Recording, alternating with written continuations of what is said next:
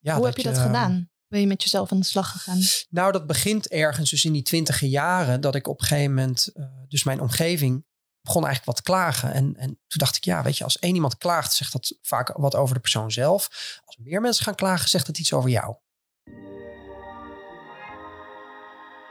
Welkom bij de Isabelle Veteris podcast. De podcast voor mensen die al heel veel weten over persoonlijke ontwikkeling, maar even power nodig hebben om in actie te komen. Ik ben psycholoog en in de topsport een van de sterkste vrouwen ter wereld geworden. En samen met experts leer ik je binnen een uur hoe je stopt met uitstellen en met een topsportmentaliteit in actie komt.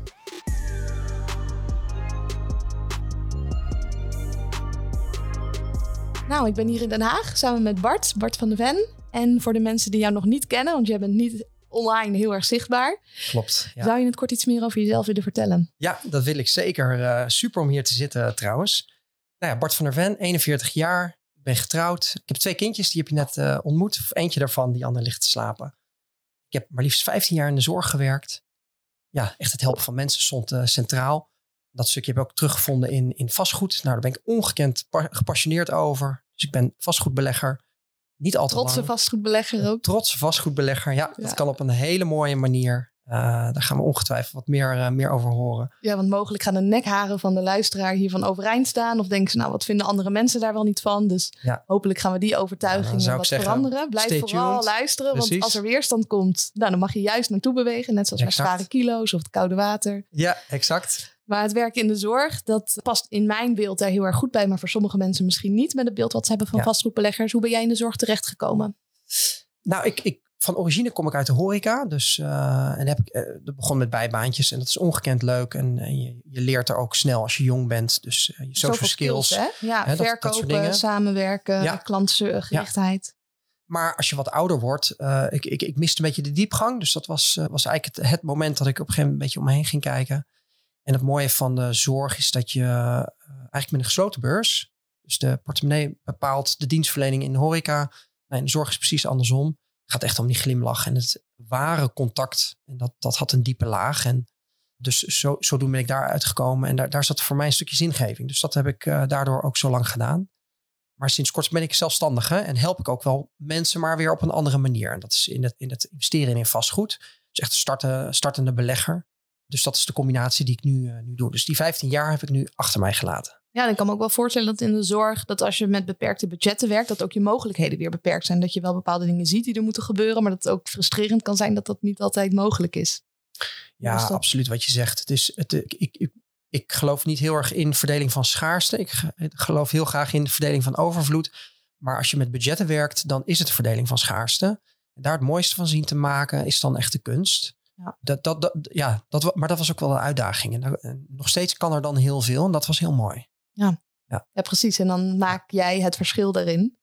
Ik ben ook benieuwd, hoe dacht jij in die tijd over vastgoedbeleggers? Ja, och, joh. Ik, kijk, wij kennen elkaar een beetje van de community. Het, het, het bijzondere is in mijn levenspad, dus als je, als je gewoon even die 41 jaar die ik nu tel uitzet, dan is er eigenlijk een soort van piekmomentje geweest. Dus gewoon een, een mindshift heeft er plaatsgevonden. Dus dat, dat is ook antwoord op jouw vraag. We hebben allemaal een referentiekader die we natuurlijk van jongs af aan al meekrijgen. En dat is natuurlijk niet per definitie de waarheid.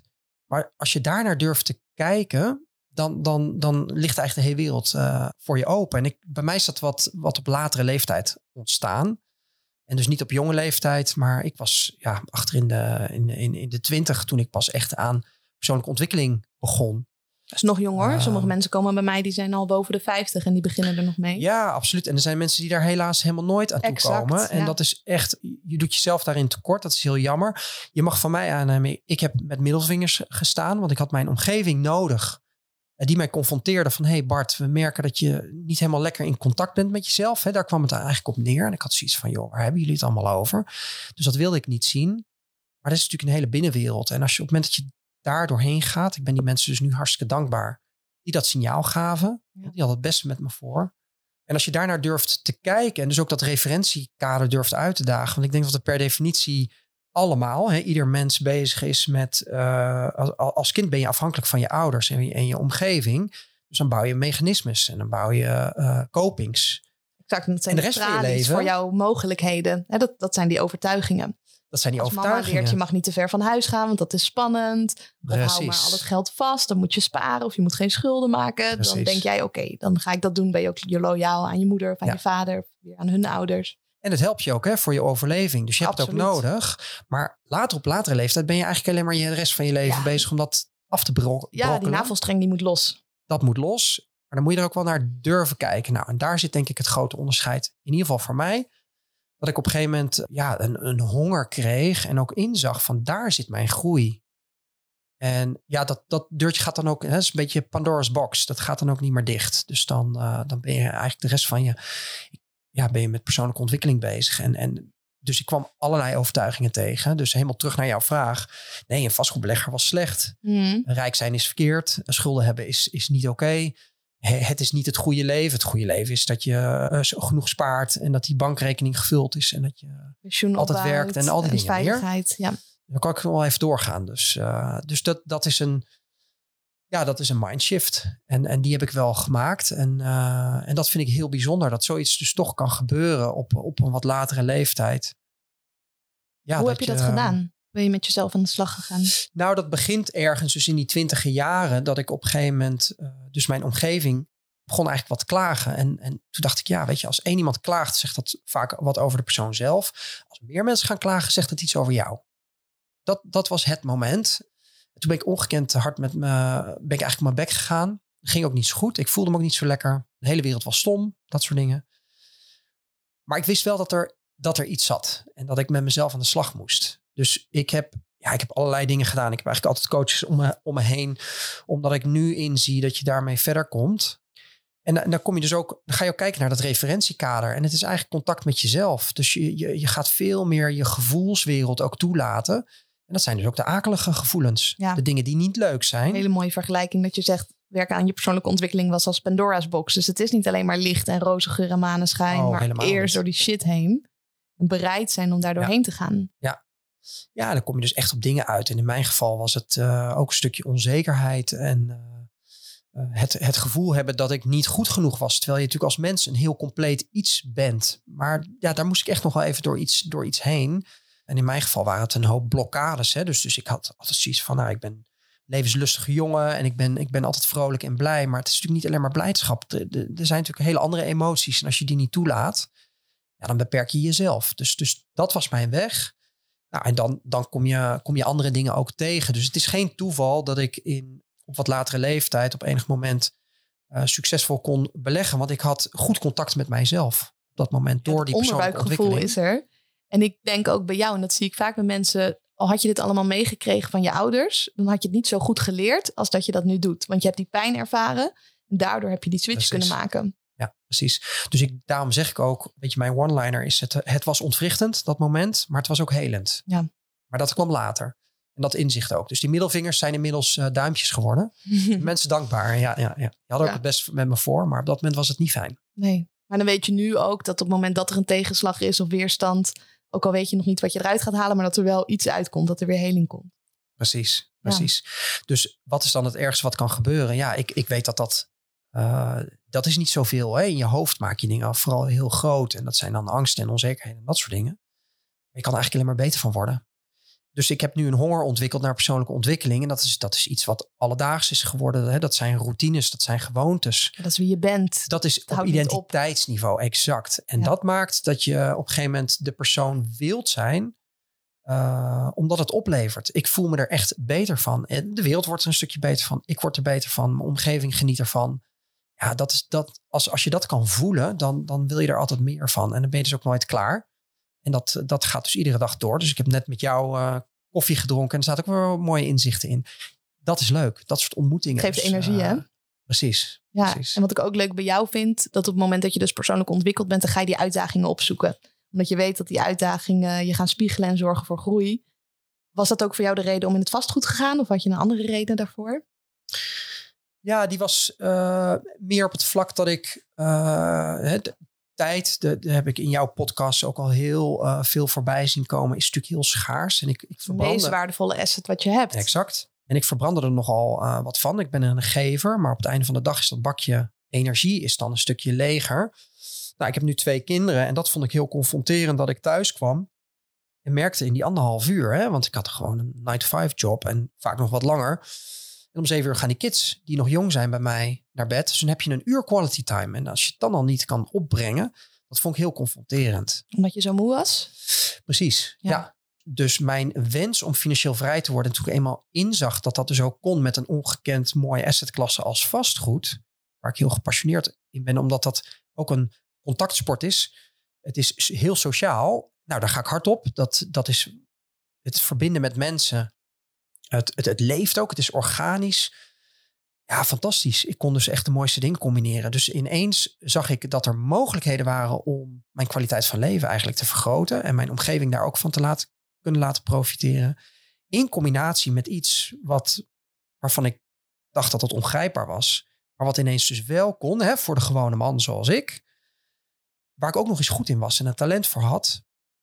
Want het is ook in combinatie met een stukje data-analyse. Nou, daar heb ik een, een knobbeltje voor. Dus dat sociale, nou, het, alles kwam samen. Dus, dus ik ben toen ongekend eh, erin in, in, ingestapt. Ja. En dat is niet meer gestopt. in, ja. All in. ja. Was je bang dat het ooit zou stoppen, dat enthousiasme?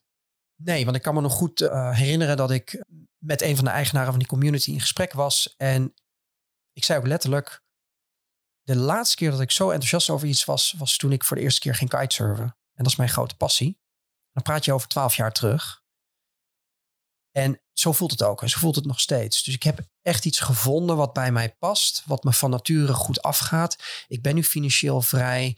En ik zit dus nu ook in een fase dat ik dus eigenlijk nu als zelfstandige zelf over mijn tijd ga.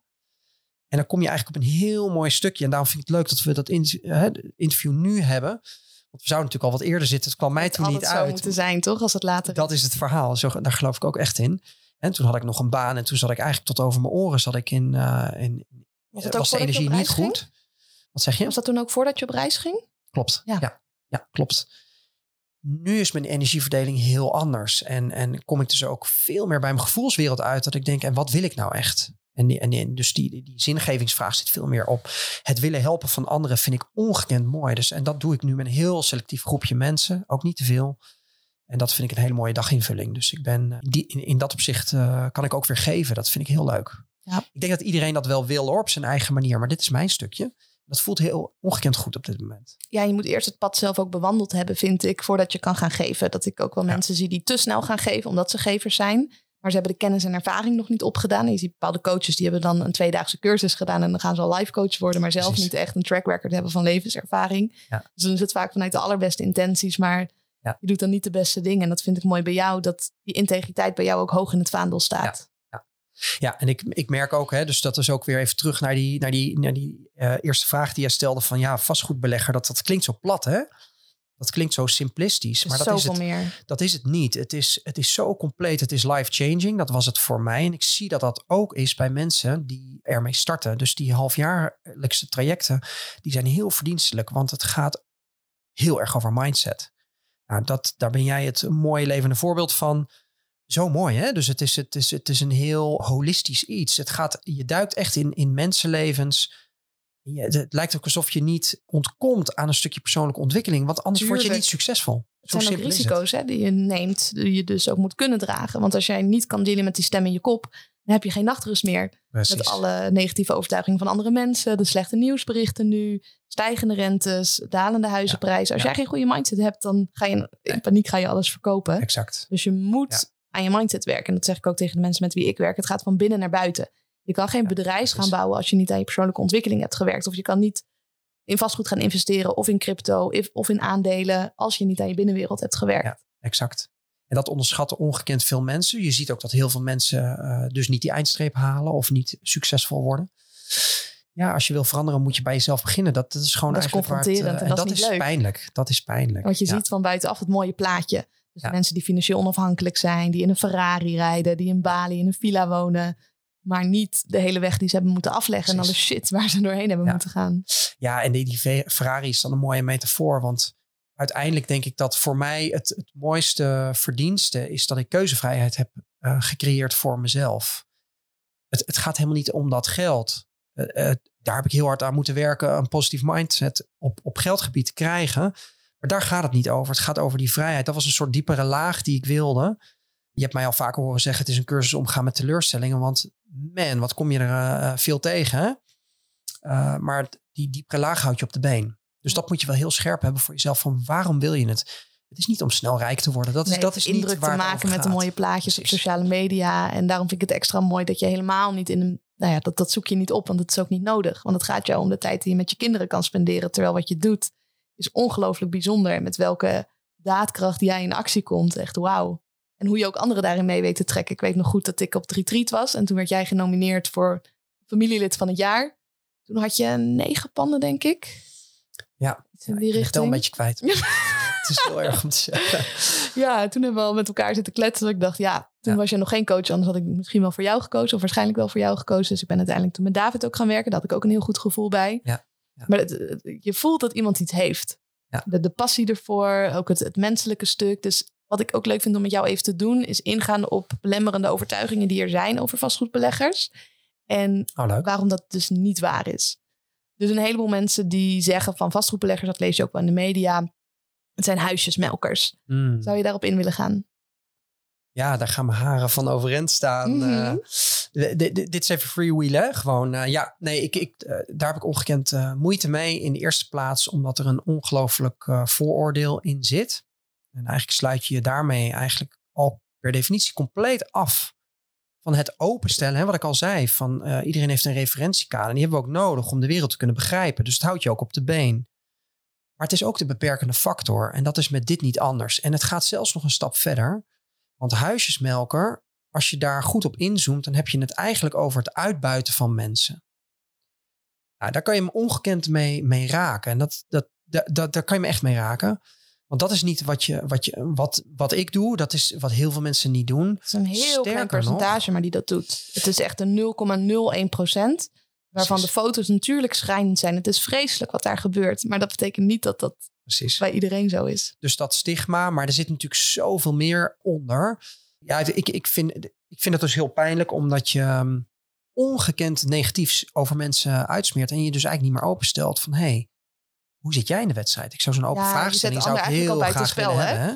Ja, je kan het gesprek eigenlijk niet. Het is een ultimatum. Ja. Dus, dus eigenlijk gooi je alles, eh, je maakt mensen monddood. En, en dan zit je dus ook heel erg op het niveau van overtuigen. En dat, dat, dat is niet hoe ik een dialoog Nee. aanga. Dus, dus ik kan daar hè, heel van jij bent mee. stom. En dat is gewoon zo. Precies. Niks wat je kan zeggen, eh, kan iets uithalen. Maar waarom is vastgoedbeleggen, als we even kijken naar het menselijke stukje, naar het mensen helpen. Ja. Waarom help je mensen daarmee?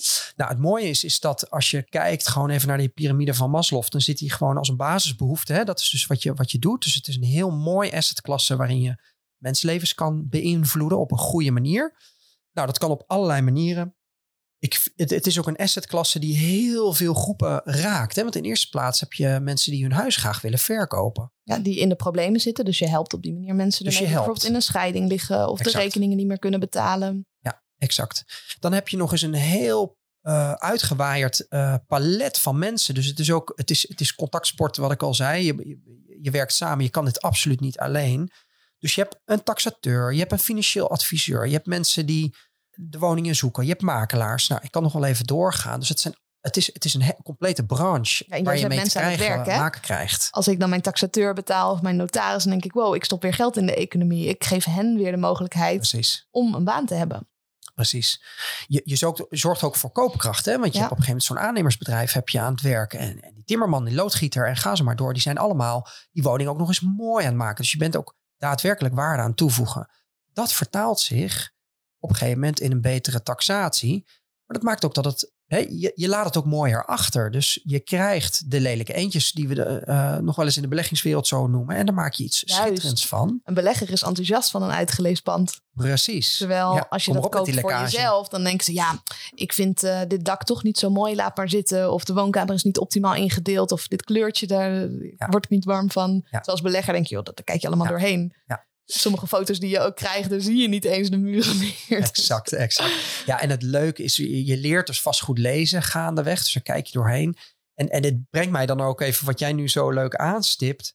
Er wordt ook nog wel eens eh, de gedachte gewekt dat je ehm, woningen afpakt. Hè? Dat is nu een beetje de one-liner geworden. Ik kan je één ding vertellen. De, de, de 40% van mijn portefeuille zijn funda-woningen. Die lange tijd niet verkocht werden omdat de particulieren er niks van wilden weten. Ja. De woning die ik heb in Almelo bijvoorbeeld ook stond al twee maanden te koop via Funda. Niemand Exact. wilde hem hebben. Exact. En dan moet iemand mij uitleggen wat daar afpakkerig van is. Sterker nog, ik kan je vertellen, de eigenaren waren, waren dolblij dat ze die Ja. woning konden verkopen. Want die hadden er stress van. Die sliepen er slecht van. En je maakt er weer iets schitterends van. Hè? Dus, dus het gaat veel meer over, eh, je moet de kansen zien. En misschien kan ik dit ook eh, zeggen. Ik heb zelf nog lang de gedachte gehad dat succes eh, een, een soort taart is. Hè? Die, die, dat het verdeeld over de wordt. ruggen gaat van anderen als jij succesvol wordt. Maar Maar ook schaarste weer. Ja. Hè? Terwijl succes is oneindig. Laten we gewoon eens even kijken. We hebben het nu net gehad over creativiteit, kansen zien, energie, ideeën.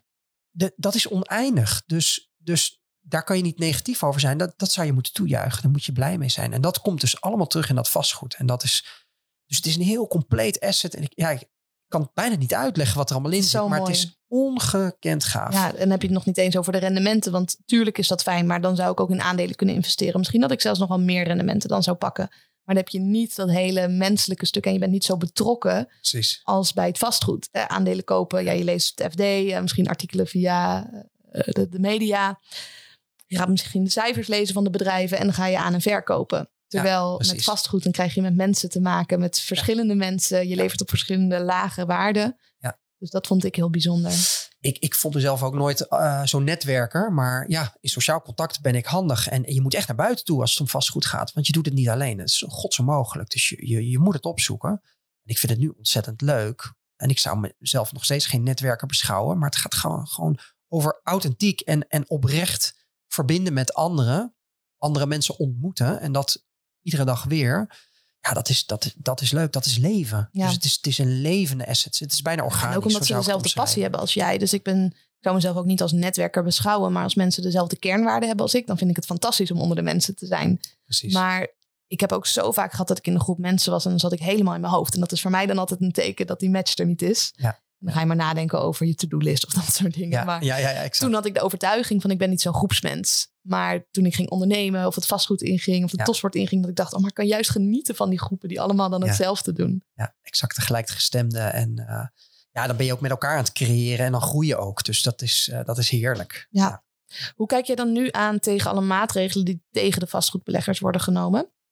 Denk aan het, het- het verbieden van verkamering, zelfwoningsplicht, eh, verhogen van de overdrachtsbelasting, eh, de nieuwe belastingregels die eraan zitten te komen. Ja, we- welke gevaren zie jij als deze regels worden uitgevoerd? Heb ik nog niet eens over de regels van Hugo. Ja. Maar die mag je erbij optellen hoor. Ja, precies. Ja. Nee, het is nogal wat. Ik, ik, Ja, het is echt eh, veel. Het is echt veel. En er zijn, er zijn denk ik twee dingen die ik daarover wil, wil zeggen. In de eerste plaats komt het eigenlijk denk ik allemaal terug tot één ding waar, waar de afslag eigenlijk verkeerd genomen wordt. Is dat je de vastgoedbelegger niet deelgenoot maakt aan het oplossen van een probleem. Want nou, je merkt hoe, hoe gepassioneerd wij er allebei over zijn. Ik zou heel graag willen bijdragen aan een probleem. En dat wordt dus eigenlijk op heel veel fronten wordt dat, eh, moeilijker gemaakt. Ja, en het probleem is dat er te weinig woningen in Nederland zijn. We hebben nu al een tekort van zo'n 400.000 woningen. De verwachting was in 2030 dat we een miljoen woningen tekort hebben. Nou, als ik die verwachting mag uitstippelen, dan denk ik dat het naar anderhalf miljoen minimaal gaat. Precies. Dus we hebben zeker een groot probleem. Ja.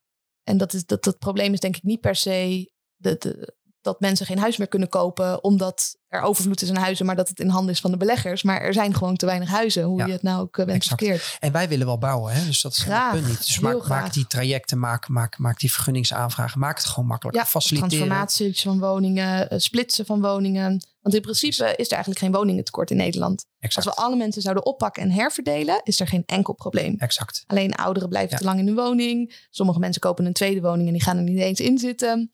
Dus, dus zo wordt er niet optimaal gebruik ook gemaakt van de woningen. Ja, nou en dat is het. En die creativiteit, die, die is er wel. En ik zeg niet per, de, per definitie dat die belegger dan daar heel erg voor beloond moet worden. Maar geef hem in ieder geval het speelveld en de kaders. En die kaders mogen gewoon hè, streng zijn. Dat je dus Ja. de echte huisjesmelkers zorgt dat die buiten kaart gezet worden. Dat is goed. Ja, want wij zijn ook Dat tegen de polenpaleizen en, en de huisjesmelkers en noem maar op. Uiteraard. Uiteraard. Die verzieken de markt. Ja. Dat wil je niet. Dat wil je op geen enkel vlak. En ik snap ook die pijn, want eh, dan ineens gaat het over mensenlevens. Hè, want je bent wel bezig met een mooie assetklasse.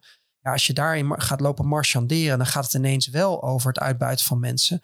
dat raakt een heel diep niveau. Hè? Dan zit je bijna, dat zou kunnen vergelijken met slavernij en dat soort dingen. Dus ik snap die pijn. Tuurlijk. Maar in de topsport zeggen we ook niet van we stoppen met de sport omdat er een paar mensen doping gebruiken. Dan gaan we dopingcontroles doen en dan gaan we gewoon door met de sport. Precies. En als je dan een controle hebt gehad en je bent niet geslaagd, precies. dan mag je gewoon een aantal jaren niet meer meedoen. Dus je zou ook kunnen zeggen, als jij dan een huisjesmelker bent, of je wordt, eh, die, dat stempel wordt op je gedrukt op basis van data en niet op basis van overtuigingen, dat je dan bijvoorbeeld geen panden meer mag kopen. Of dat je je panden moet verkopen of iets in die richting, dat Ja. daar een straf op staat. En niet dat alle vastgoedbeleggers benadeeld worden. Precies. Ja. En dat is dus, het schiet compleet door. Dus het is, het is over bemoeienis. Hè? Dus het is ook. Dus ik kom weer terug bij die eerste afslag. Het is, een, het is in mijn ogen wordt de grootste fout gemaakt dat er nu beslissingen worden gemaakt op basis van wantrouwen. En niet op basis van vertrouwen. Nou, ik denk dat, dat de komende tijd daar interessant in wordt. Want ik geloof niet dat dit haalbaar is en uitgewaaid wordt. Dit gaat ook eh backfiren. Dus, dus ik, ik heb daar ook nu al vertrouwen in. gepubliceerd, gelukkig. Eh, Precies. Ik gaf net al aan eh, in de voorbespreking dat woningen in Amsterdam 10% zijn gedaald in waarde. Maar de huizenprijs of de huurprijzen zijn 10% gestegen. En ook al zijn de huizenprijzen maar 10% gedaald. Ik noemde ook altijd het voorbeeld. Ik kan maar de helft lenen ten opzichte van een jaar geleden. Omdat de rente van 1% naar 4,5 is gegaan. Dus ook al zijn die huizenprijzen gezakt, mensen kunnen het nog steeds niet betalen. Dus die huizen staan leeg. Precies. Ja, dat zie je dus nu al. Dus, dus nou, ik zit dan in het Haagse, maar als je ziet wat er nu leeg staat, dat is ongekend hoog. En, en dus, dus we bedienen niet de starters. Op deze manier gaan ook huurprijzen omhoog, omdat er schaarste gecreëerd wordt, want al die woningen worden verkocht. Hè, door door, door dat, dat een orgaan als de overheid, die de langetermijnvisie zou moeten eh, vasthouden en betrouwbaar zou moeten zijn, nu als onbetrouwbaar ervaren wordt binnen Ja. die groep beleggers. Want binnen het spel worden de spelregels veranderd. Dat, dat is het verhaal. En ook nog eens met terugwerkende kracht. Dus dat is, dat is funest. En dat is niet helpend. Dus ik, ik verwacht dat dat nog beter wordt. Ik, ben niet, ik wil niet naïef zijn. Hè? Dus ik vind ook dat we daar Nee, het onze stem tijd in moeten laten horen Ja. ook.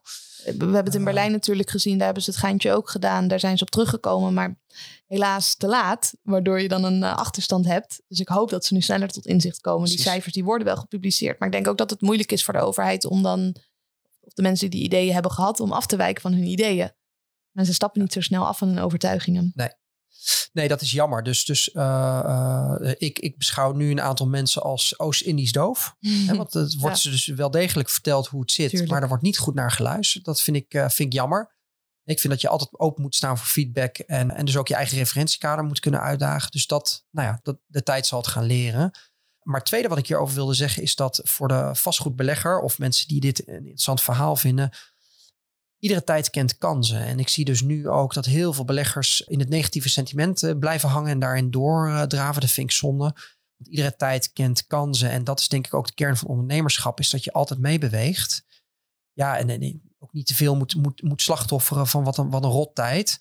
Ja, de, de tijden veranderen en sommige dingen, eh, dat is een nieuw gegeven. En, en daar, daar kan je dus ook weer mee aan de slag. En dat kan weer een kans bieden. En die kansen zijn er nog steeds. Dus Wordt dan ook niet gewoon het kaf van het koren gescheiden? Ja, de echte ondernemer staat nu op. En, en de niet-echte ondernemer, die trekt zich terug. Dat is eigenlijk een beetje het verhaal. Ja.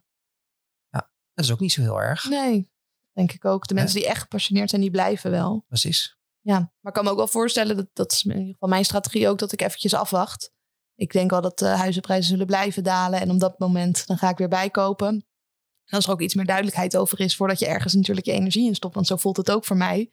En het dan weer afgeketst wordt. Energetisch Ja. klopt dat dus niet voor mij. Nee, die snap ik. En, en het timen van de market, nou dat is natuurlijk een bekende. Ja, dat is natuurlijk dat is altijd lastig. Ik, ik snap hem helemaal. Hè. Mensen die nu al wat vastgoed hebben. Lijkt mij ook verstandig om nu even eh, Even pas op de plaats, pas op de maken. plaats. Mensen die geen eh, vastgoed hebben. Dit is een mooi moment Ja, om in te stappen. ja. Hè. Dus dat is ook, dat, daar kan best wel wat onderscheid in En zitten. veel maar, mensen hebben toch nog wel overwaarde in hun woning zitten. Van de afgelopen paar jaar, hoe de woningmarkt toen is geëxplodeerd. ja, er is geld genoeg. Hè? Dus dat, dat, dat is helemaal het punt niet. Dus laat dat lekker, lekker stromen. En ik ken weinig assetklasses die, die nu nog rendement kunnen maken. Ja, en, en even voor, de- voor de luisteraars. Ik heb dus vorige week nog een woning aangekocht voor mijn moeder. Nou, dat, dat, dat zijn de mooiste aankopen. Dat is haar tweede beleggingswoning. dat doe ik natuurlijk alleen maar als het een goede woning is. Laten we even heel eerlijk zijn. Het is mijn meest Juist dierbare. voor je familieleden. Het is mijn meest dierbare. Daar ga ik natuurlijk niet... ik heb het vastgoed eh, samen met mijn zusje gedaan. Dus ik was ook precies. heel streng met woningen. Precies. Dat Dus ik. het kan. Er zijn gewoon nog steeds kansen. En, en, en dit zijn Juist. Hè? Je zei dat er woningen nu ineens van onder de twee ton komen. Terwijl een jaar geleden was dat ondenkbaar. Precies, ja.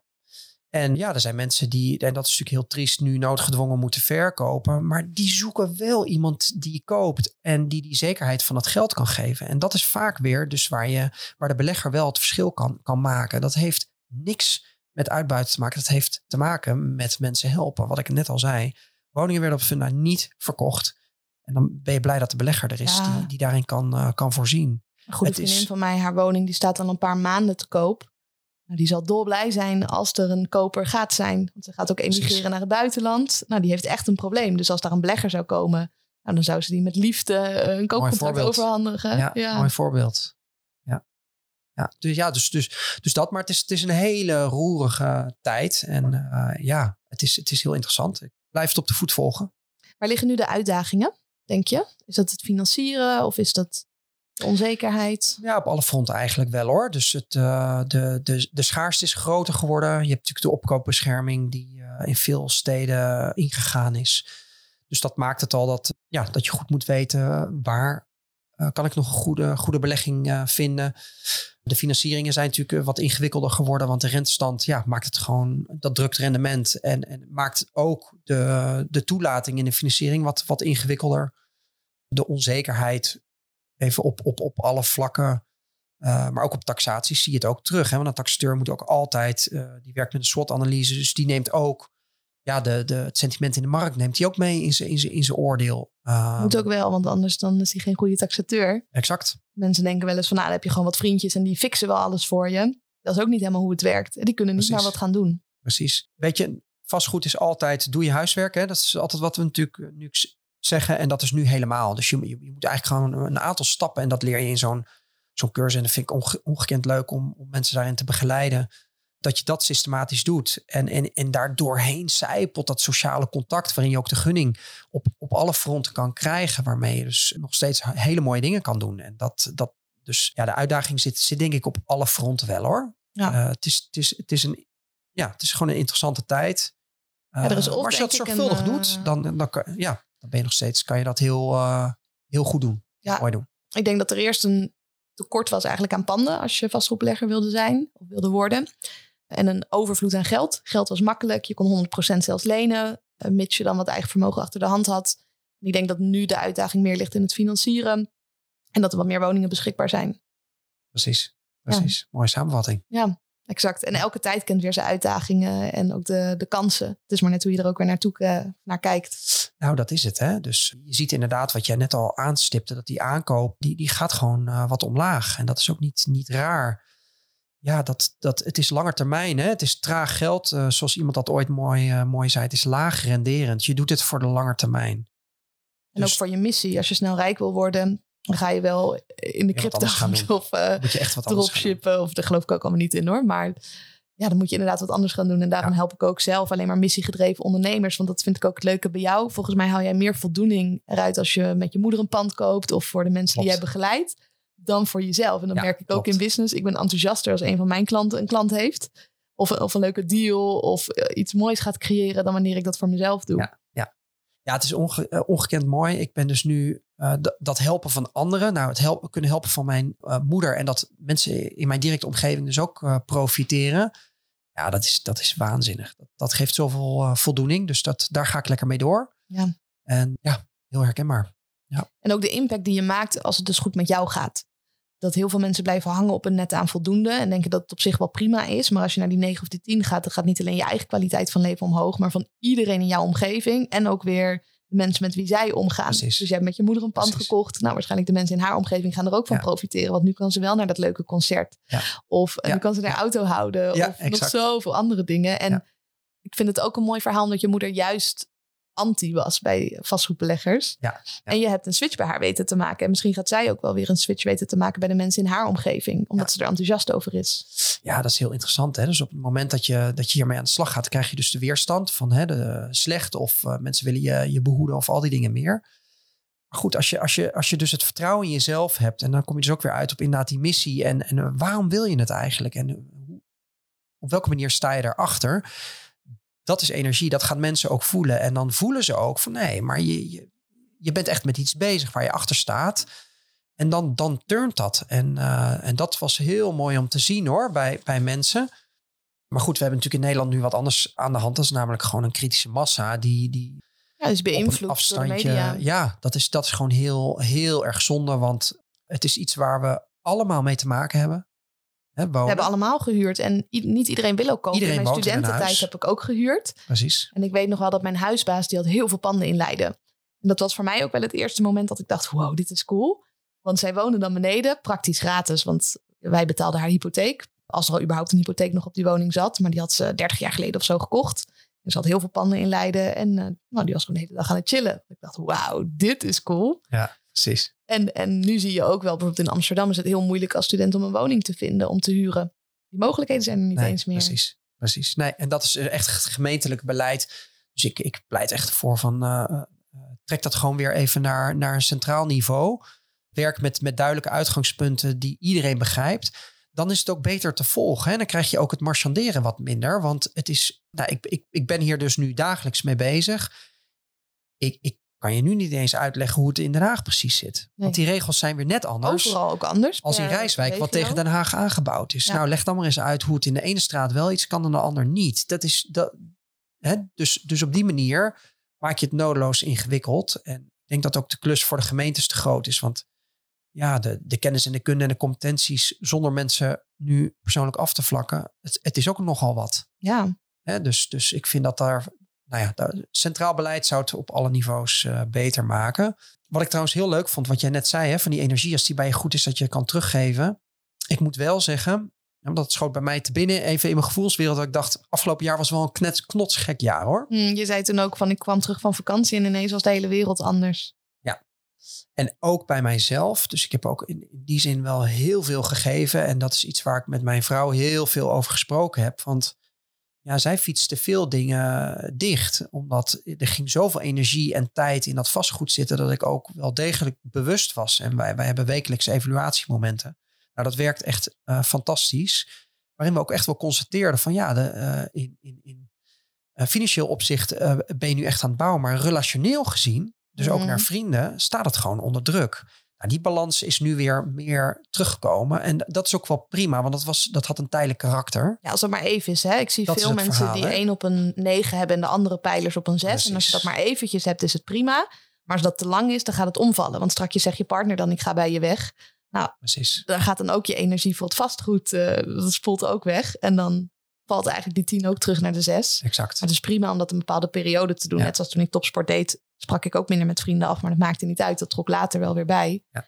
Dus liever alles op een 7 of een 8 dan één ding op een 10 en Ja. de rest dus op een 6. Exact. Ja. Maar mooi dat je die evaluaties ook met je partner doet. Ehm, heb je daar een vast format voor? Of gaat dat heel intuïtief? Dat je samen op de bank gaat zitten en dan kijk je wat erop komt? Nou, we zijn allebei hoofdtypes. Dus die, die to-do'tjes, die, eh, dat lukt altijd wel aardig, zeg maar. Dus eh, wij moeten ons best doen om eh, even een moment te creëren dat er gevoeld wordt. En dat we in contact staan met onszelf. En wat willen we nou en hoe staan we ervoor? Dus het gaat eigenlijk heel intuïtief. Maar we spreken ook altijd wel dingen eh, uit. Hè? Van eh, we, we gaan nu hier aan werken of dit willen we wat meer. En dat laat zich dan natuurlijk heel makkelijk evalueren een weekje, een weekje later. Maar dan koppelen we dus de date nights aan. Dus dat eh, ja, heb je tijd voor jezelf. Of voor elkaar. En, en dat doe je natuurlijk met heel veel dingen. Hè? Dat je ook tijd voor jezelf in de agenda blokt. Of tijd eh, eh, vastgoed, maar, maar ook andere gewoontes. Dus op die manier hou, hou je dat mooi in balans. Dat werkt wel goed. Ja, en ook dat je eerlijk feedback durft te ontvangen. Dus is net zoals met je gewicht. Als je nooit op de weegschaal gaat staan en je draagt altijd wijde kleding. Dus je spijkerbroek, nou ja, of die nou dicht kan of niet, dat merk je niet. Ja, dat, dan, dan slip je helemaal dicht. Dus ik weet niet of je dat wist, maar mensen in de gevangenis die worden er ook dikker. Omdat ze geen broekriem hebben. Dus ze hebben geen feedback. Dus daardoor Oh, blijven ze meer eten. Niet omdat gevangenis eten ja, zo kan lekker ik me is. helemaal voorstellen. En in relaties zie ik dat ook. Dat als je die feedback nooit krijgt van je partner. Dat vaak de een denkt, oh het gaat prima. Ja. Maar de ander denkt, nou ik vind het helemaal niet prima. En op een gegeven moment ben je er dan klaar mee. Versus als je dat soort feedbackmomenten doet. één keer in Ja. de week of één keer in de maand. Dan weet je in ieder geval hoe het ervoor staat. Ja, en als je dus niet eh, met regelmaat doet, dan ben je dus eh, veelal te laat. En je moet elkaar vasthouden hoor. Want je kan elkaar uh, ongekend elkaar verliezen. verliezen. verliezen. En zeker omdat die mindshift er zo geweest is. Ja, dan moet je echt samen optrekken. Want anders gaan eh, relaties eh, lopen hier op stuk. Ja, en ik denk zeker ook omdat vrouwen veel geven. En zolang je voelt als een team, denk ik dat vrouwen heel veel kunnen geven. Maar zolang, zodra ze dat zeg maar niet meer voelen, dat ze je dan loslaten. Ja, en als precies. dat te ver is, dan eh, nemen ze je ook niet meer terug. Nee, nee, nee. Ja. En als kerel voel je dat waarschijnlijk uh, te weinig aan. Ja, en omdat dan je ben je dus te laat. Ja, Precies. ik zie dat veel in relaties gebeuren. Ja, dus Ja. ja. Ja, dat verbaast me helemaal niks joh. Ja. Niet alleen op het gebied van vastgoed vind ik jou sterk of van relatie, maar ook van je routines. Je bent ook iemand van het vroege opstaan, uh, het sporten. Hoe ziet jouw ochtendroutine eruit?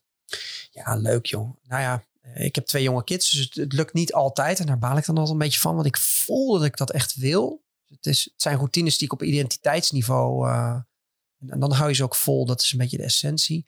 Maar ik vind het heerlijk om om zes uur op te staan. Mijn ochtendroutine is dus, dat beschouw ik echt als een cadeautje voor mijzelf, dat uur.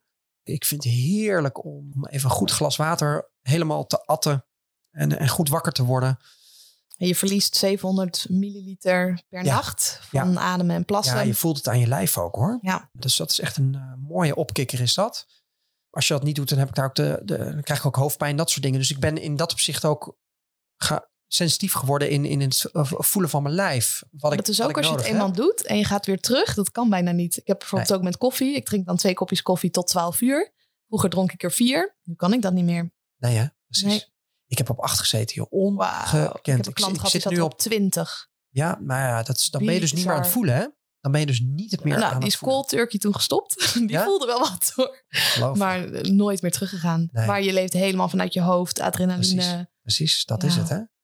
Ja, en dat, ik, ik vraag me dan ook af hoe dit soort mensen op een gegeven moment dan oud worden. Ja, dat, dat kan natuurlijk op een gegeven moment... alleen maar in een eh, burn-out als je zo leeft. dan ben je zo gejaagd. Precies. Ga je alle grenzen over. Dus het gaat over contact met jezelf. Dus ik, ik, ik, soms merk ik dat ik een routine ook wel eens even omdraai, omdat het net even anders voelt. Dus dat is ook wel lekker. Maar meestal is het inderdaad, nou, sowieso dat glas water, een goede ochtendmeditatie. Dat vind ik toch lekker om, om even in te komen. Er zit vaak... zelf of begeleid? Nee, begeleid. Ik moet zeggen, de ademhalingsoefeningen die spreken me steeds meer aan. En, uh, je hebt ook ademcoaches. Nou, dat is voor mij echt een nieuw hoofdstuk. Maar ik denk dat dat. Kijk, het probleem is, ik ben een hoofdtype. Dus dat hoofd, dat werkt wel, maar daar moet ik uit. En concentreren op ademhaling, ja, dat werkt heel goed om, om, uit dat hoofd te gaan, merk ik. Dus dat, daar wil ik meer Het is een fijne combi, uh, vind ik. Want bij meditatie moet je echt bewust je gedachten uitzetten. Ja. moeten. Ja. Maar bij ademhaling focus je op je lijf. Precies. hetzelfde als met sporten ik zit niet meer in mijn hoofd op het moment dat ik met 100 kilo in mijn handen sta.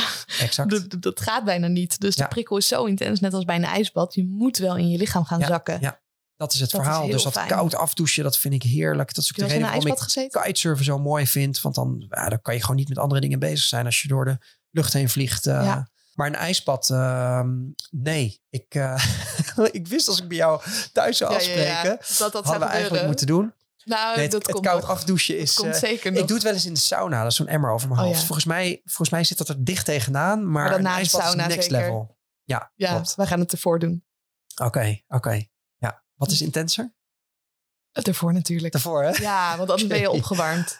Precies. Dus erna helpt om af te koelen. Maar ervoor helpt ook voor mentale eh, patronen. Dus het ijsbad is ook een spiegel. Net zoals dat je partner een spiegel is. Of het vastgoed ook een spiegel kan zijn voor je overtuiging, is ook het ijsbad een spiegel. Van ben je geneigd om te vechten, te vluchten of te bevriezen? Precies. Of kan je het loslaten? Dus ik gebruik het ijsbad ook op die manier. Dus ik heb vanochtend ook weer sessies gegeven voor mijn eigen klanten. En een aantal zijn dan ook bij een Wim Hof trainer geweest. En die, die doen dat vanuit adrenaline. Heel sterk ademen, harde geluiden maken. En ik doe het juist vanuit de rust om te kijken van... Nou ja, als je dus geconfronteerd wordt met zo'n situatie en je zit niet in die rush van koffie, adrenaline, weet ik het. Ja. Hoe kom je dan opdagen? Ja.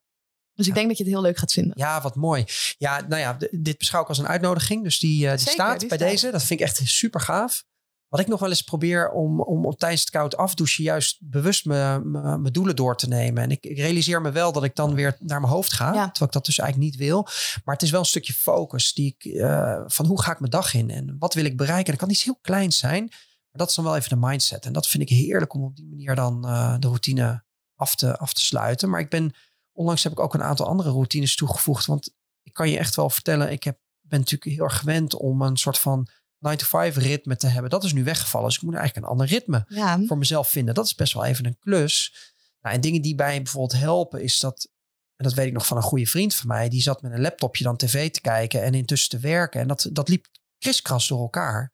Dus ik probeer ook nu plekken in huis te definiëren waar oh, dus gewerkt wordt en dat kan gewoon letterlijk een ander plekje zijn. Dat is dus niet op de bank, maar dat is dus rechtop achter een stoel in een bepaald uh, bureautje. We zitten hier ook bij een bureau. Dit is dan de werkplek. En als de laptop dicht gaat, dan sluit je dat dus ook af. Dus ook dat soort kleine routines en gewoontes probeer ik er nu ook in te sluiten, inderdaad. Ja, mooi. Ik wil nog even inhaken op wat je zei over het koude douchen, dat je dan je doelen doorneemt. Ik denk ook niet dat er echt een goed of een fout in zit. Dat op het moment dat je onder die koude douche staat en je neemt je doelen door, dan doe je het ook met de intentie om je niet te laten afleiden door de externe factoren. Dus ook al is het koud, dat je alsnog je focus weet te behouden. Versus als je doet om meer te voelen, dan moet je het natuurlijk niet doen. Dus dat alles ook weer zijn kracht heeft en zijn charme. Super. Ja. Ja. En over die werkplekken, ja, ik denk dat we dat in corona ook veel hebben gezien. Dat op een gegeven moment, dat bij mensen de plek waar ze woonden, was de plek waar ze werkten, waar ze sliepen, waar ze ontspanden. En dat sommige mensen dan ook in hun huis bepaalde hoekjes maakten. Dus ook al Exact. woon je in je woonkamer, dat je dan bijvoorbeeld op plek X gaat zitten als je gaat eten, maar dan ga je op een andere stoel weer zitten op het moment dat je gaat Zo werken. klein kan het zijn. Zo klein kan het al zijn. Precies. Ja. En wat ik ook heel mooi vind, is als je een flesje water gewoon in de buurt eh, van jezelf zet, drink je sneller. Dus het is, het is niet ook zoiets kleins dat als het in zicht is, ben je veel sneller geneigd om iets te gebruiken. Nou, Ja. dat kan je met heel veel dingen toepassen. Ja, ik doe dat met fruit. Ik ga één keer per week naar de groothandel, dus mijn hele keuken ligt vol met fruit. Dat staat op het aanrecht. Hoe makkelijk om dat te pakken. Exact. Ik eet daardoor bijna nooit chocola. Of als ik chocola Ja. eet, eet ik één blokje. Wat ik doe voor de lekker. Ja. Maar voor de honger eet ik andere dingen. Precies. We hebben eh, onlangs een meubel eh, gemaakt waarin we de televisie kunnen afschermen. Want we vonden het verschrikkelijk dat dat zo in het En zicht hier was. eh, hebben jullie al een deken over de televisie gelegd, volgens mij. Heel goed. Nou, di- dit is wel geestig. Dit is een televisie voor een van mijn woningen die ik nu aan het inrichten ben. Oh, Dus oh die, ik dacht dat er een deken overheen lag. ja. Nee, nee dit is, eh, ik ben nu eh, bezig met een projectje wat ik je al vertelde. Ja, dus, eh, heel leuk. Daar is deze voor. Dus ik ben eh, Marktplaats lekker aan het afstruinen. Ja, en, eh, mooie dingetjes vinden, Mooi, mooi projectje. Dus eh, het is een mooie televisie, maar niet voor mezelf. Nee, Nee. ik eh, moet er niks van weten. Nee, ik heb niet eens een tv. Heel goed. Ja. Dus dan ga je ook sneller weer boeken lezen. Of eh, yoga doen, meditatie, dat soort zaken. Ja, ja, ik ben ook echt een boekenworm geworden. Terwijl vroeger las ik helemaal niks, joh. Dus zo, zo, zo zie je maar, hè, dat als, het- hoe, hoe, Ja, als je er gepassioneerd over Dan krijg je bent. die honger, hè? Dat, Ja. is, dat is een beetje het verhaal. Dus denk ik ook omdat lezen verplicht wordt op de middelbare school. Dus dan moet je voor Nederlands 15 boeken lezen. En dat zijn ook helemaal geen boeken die je leuk vindt. Die Tenminste, je zelf uitzoekt. Precies. ik vond het helemaal niet leuk. Ja. En daardoor heb ik ook na mijn middelbare schooltijd heel lang niks meer gelezen. Totdat ik begon met persoonlijke ontwikkeling. Exact. Ja, en toen was ik meteen fan. Toen Ja. dacht ik, wauw, dit is cool. Ik wil al die Ja. boeken wil ik lezen. Ja. Nou ja, dat kom je zelf ook weer tegen. Want het zit hem niet alleen in de informatie, maar vooral in de implementatie. Maar goed, Klopt, ja. het is wel een bepaalde fase waar je ook doorheen moet, denk ik, als je in persoonlijk ontwikkelingsland komt. Volgens mij heb ik even ergens gehoord dat je inderdaad beter je boeken ieder jaar nog eens een keer opnieuw kan lezen. Dat doe En ik dan nu. is het, eh, ja, en liever een paar boeken dan dat je allemaal nieuwe gaat kopen. Dus Precies. ik heb dan een stuk of twintig boeken Ja. die ik dan elke zoveel tijd weer ga herlezen. En ik haal er ook weer andere dingen uit. Dus ik heb natuurlijk zelf ook een boek geschreven, omdat er al zoveel boeken zijn. Precies. Hoe ga je nou dingen doen met alle informatie die al beschikbaar is? Hoe kom Ja. je in actie en stop je met uitstellen? Ja. Want dat, dat zie ik wel als valkuil. Dan kan je zoveel podcasten luisteren, boeken lezen, maar je doet er niks mee. En dan hou je jezelf ook weer klein. Dus Je kan, bezigheidstherapie. je kan in je hoofd het gevoel hebben dat je zo ongekend veel Oh, dat eh, zie je ook maar je doet helemaal niks. Ja, dat, Dat is, mensen dat de hele dag bezig zijn met vastgoed. Dat heb jij volgens mij ook gezegd. Precies. Maar geen pandje kopen. En ook niet. Ik merk ook, dat is het leuke op het moment dat ik met mensen aan de slag ga en zeg, en nu ga je naar buiten. Hè? Want de eerste Mm. fase is natuurlijk dat je je strategie neerzet en hè, een beetje je financiële positie zorgt dat die goed is. Maar op een Je gegeven moment ga je gewoon letterlijk naar buiten. Dan zie ik mensen open gaan. Ik zie ze gewoon letterlijk open gaan, want dan wordt het echt. Niet achter die, die fact sheet of die data-analyse of, of, of funda zoeken naar goede woningen. Nee, het- Zodra je die telefoon pakt, je gaat pakt de telefoon, je gaat lopen, je loopt die flyers weg of je gaat eh, op de koffie bij iemand. Dan gebeurt het. En dan wordt het ook real. En dat is leuk. Dan, dan begint het echt eh, Vaak vinden mensen dat wel spannend, zie ik. heel erg. Ja, Ja, daarom maakte ik daar een doel van. Van ga maar eens eh, honderd mensen bellen op een dag. Maar het begint natuurlijk ergens anders. Want op het moment dat jij naar buiten gaat, moet je al comfortabel zijn met het feit dat je zegt: Ik ben iemand die wil gaan, gaan beleggen in vastgoed. Ik ben een vastgoedbelegger. Nou, zie dat maar eens over je lippen te krijgen. ja, ja. Dan moet je eerst die, die, die, die belemmerende overtuigingen moet je eerst uitdagen. Dus daar zit zoveel voor. Ik ben ook begonnen met flyeren in mijn woonplaats Weesp. Helemaal niet omdat ik daar een woning wilde kopen, maar puur om die meters te gaan maken. En ik voelde me eerst een beetje bezwaard om daar te flyeren. Dus als er dan mensen in Ja. de buurt waren, dan deed ik daar geen flyer in de bus. Totdat op een gegeven moment iemand naar me toe kwam. Die zei, oh wat leuk. Nou, ik ken ook een vastgoedbelegger in Lelystad. Dus Ja, ik ga je even ja. connecten met hem. En we werden ook gebeld. Toen ging ik onderhandelen met die mensen. Terwijl ik helemaal geen interesse, maar dat maakt niet uit. Moet je kijken, hè? Maar toen al kreeg ik een woning leidt. aangeboden. Die was 4,5 ton. Die kreeg ze niet eh, verkocht. Ze hadden al een nieuwe woning. Ze wilden ze voor 4 ton toen aan ons verkopen. Dus ik heb nog wel overwogen om die woning te kopen. En toen toch niet gedaan met alle kennis die ik ook nu heb. Ja, Komt ja. nog wel voor minder. Maar goed, De ratio's moeten kloppen, hè? Ja. ik vond het wel leuk om, heel, om, om mee bezig te zijn. Dus ook voor de luisteraars, of je dat nou in het vastgoed gaat doen, of in het ondernemerschap, of in de sport. Dat je gewoon die meters gaat maken los van het doel wat je hebt. Precies. Precies, ja. Die actie gekoppeld aan, aan dat doel is zo ongekend belangrijk. En die, die gaan echt hand in hand. En die Ik- ik- cursus ik, ik hoor wel eens veel mensen die dan zeggen van nou, ja, het gaat allemaal om actie, actie, gewoon doen, doen, doen. Dat is het ook niet, hè? Je moet- Nee, dan ben je aan het rondrennen als een kip zonder kop. Precies. Dat werkt ook niet. Heel veel mensen zie ik ook schieten met hagel. Dus dan kan je wel die 100 mensen bellen. Maar als je niet weet in welke regio je zoekt, wat voor type pand je zoekt, hoe je daar ook wil komen opdagen, ook een hele belangrijke. Dan gaat het niet werken. Nee, en dan kan je precies. exact hetzelfde doen. En daarom vind ik die wie zo belangrijk. Maar dan gaat het, ja, dan gaat het niet lukken. Nee. Iemand kan mij Ja. kopiëren en die gaat niet dezelfde resultaten behalen. En die Nee. snapt daar helemaal niks van. Maar dat is ook omdat onder dat oppervlak zitten gewoon nog meerdere diepere lagen. Ja, exact. En, en die gunfactor is er ook zo eentje. Dat, dat moet je opbouwen. Want het is geen toeval dat jij gebeld werd vanuit iemand eh, vanuit Lelystad. Want je had een vertrouwen, heb jij gewonnen. Dat iemand, want het gaat nog ergens over. Hè? Dat is dus een pand van 4,5 ton, vertel je. Die ze dus bereid waren om voor 4 ton. Dat doen ze alleen maar omdat ze een goed gevoel bij je hebben. Ja, we hebben nog met ze Dus die gebeld. gunfactor wordt zo onderschat. En dat begint dat je dus goed in contact staat met jezelf. Dan kan je zo op die manier naar buiten Ja, treden. Dus het, met anderen. Het, het is echt ongekend wat er allemaal bij komt kijken. Maar daardoor is het zo verschrikkelijk mooi. Ja. En een heel compleet asset van investeren. Het, het is, het is een way of life voor mij geworden ook daardoor.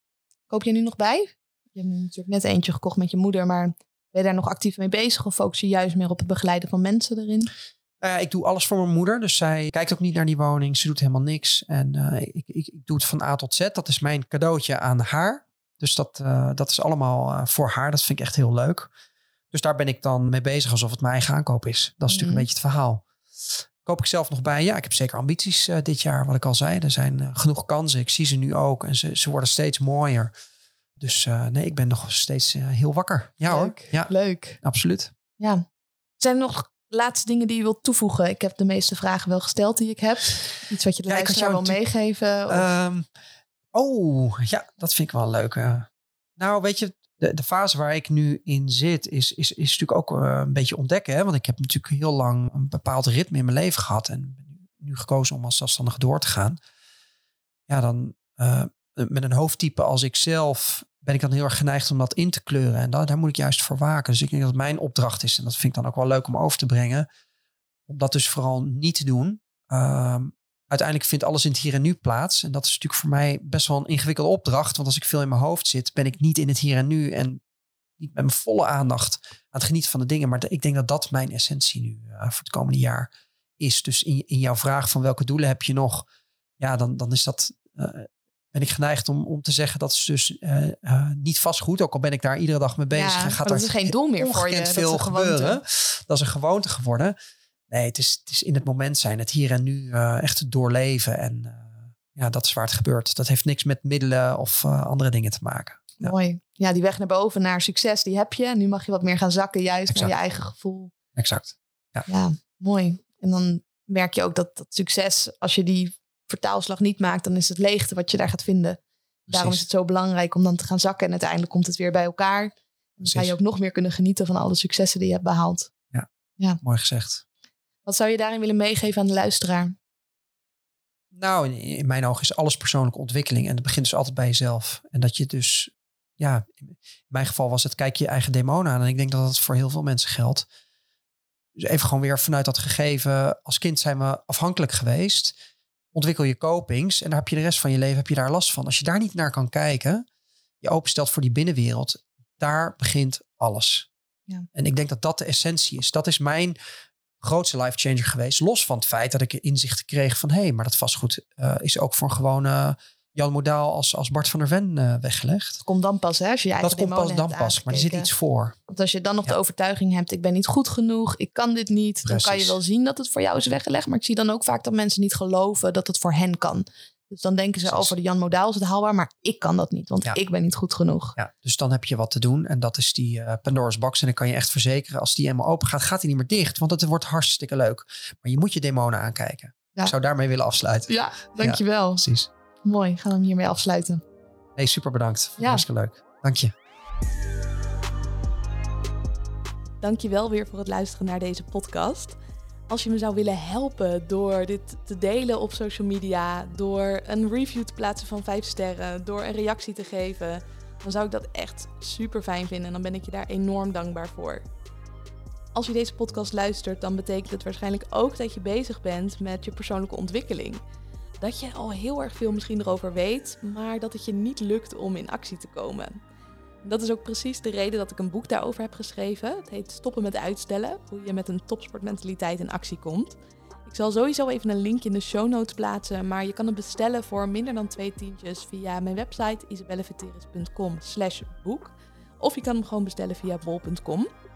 Superleuk uh, als je dat doet. En dan uh, ga ik een persoonlijk kaartje voor je erbij doen en dan krijg je hem op je deurmat. Tot de volgende aflevering.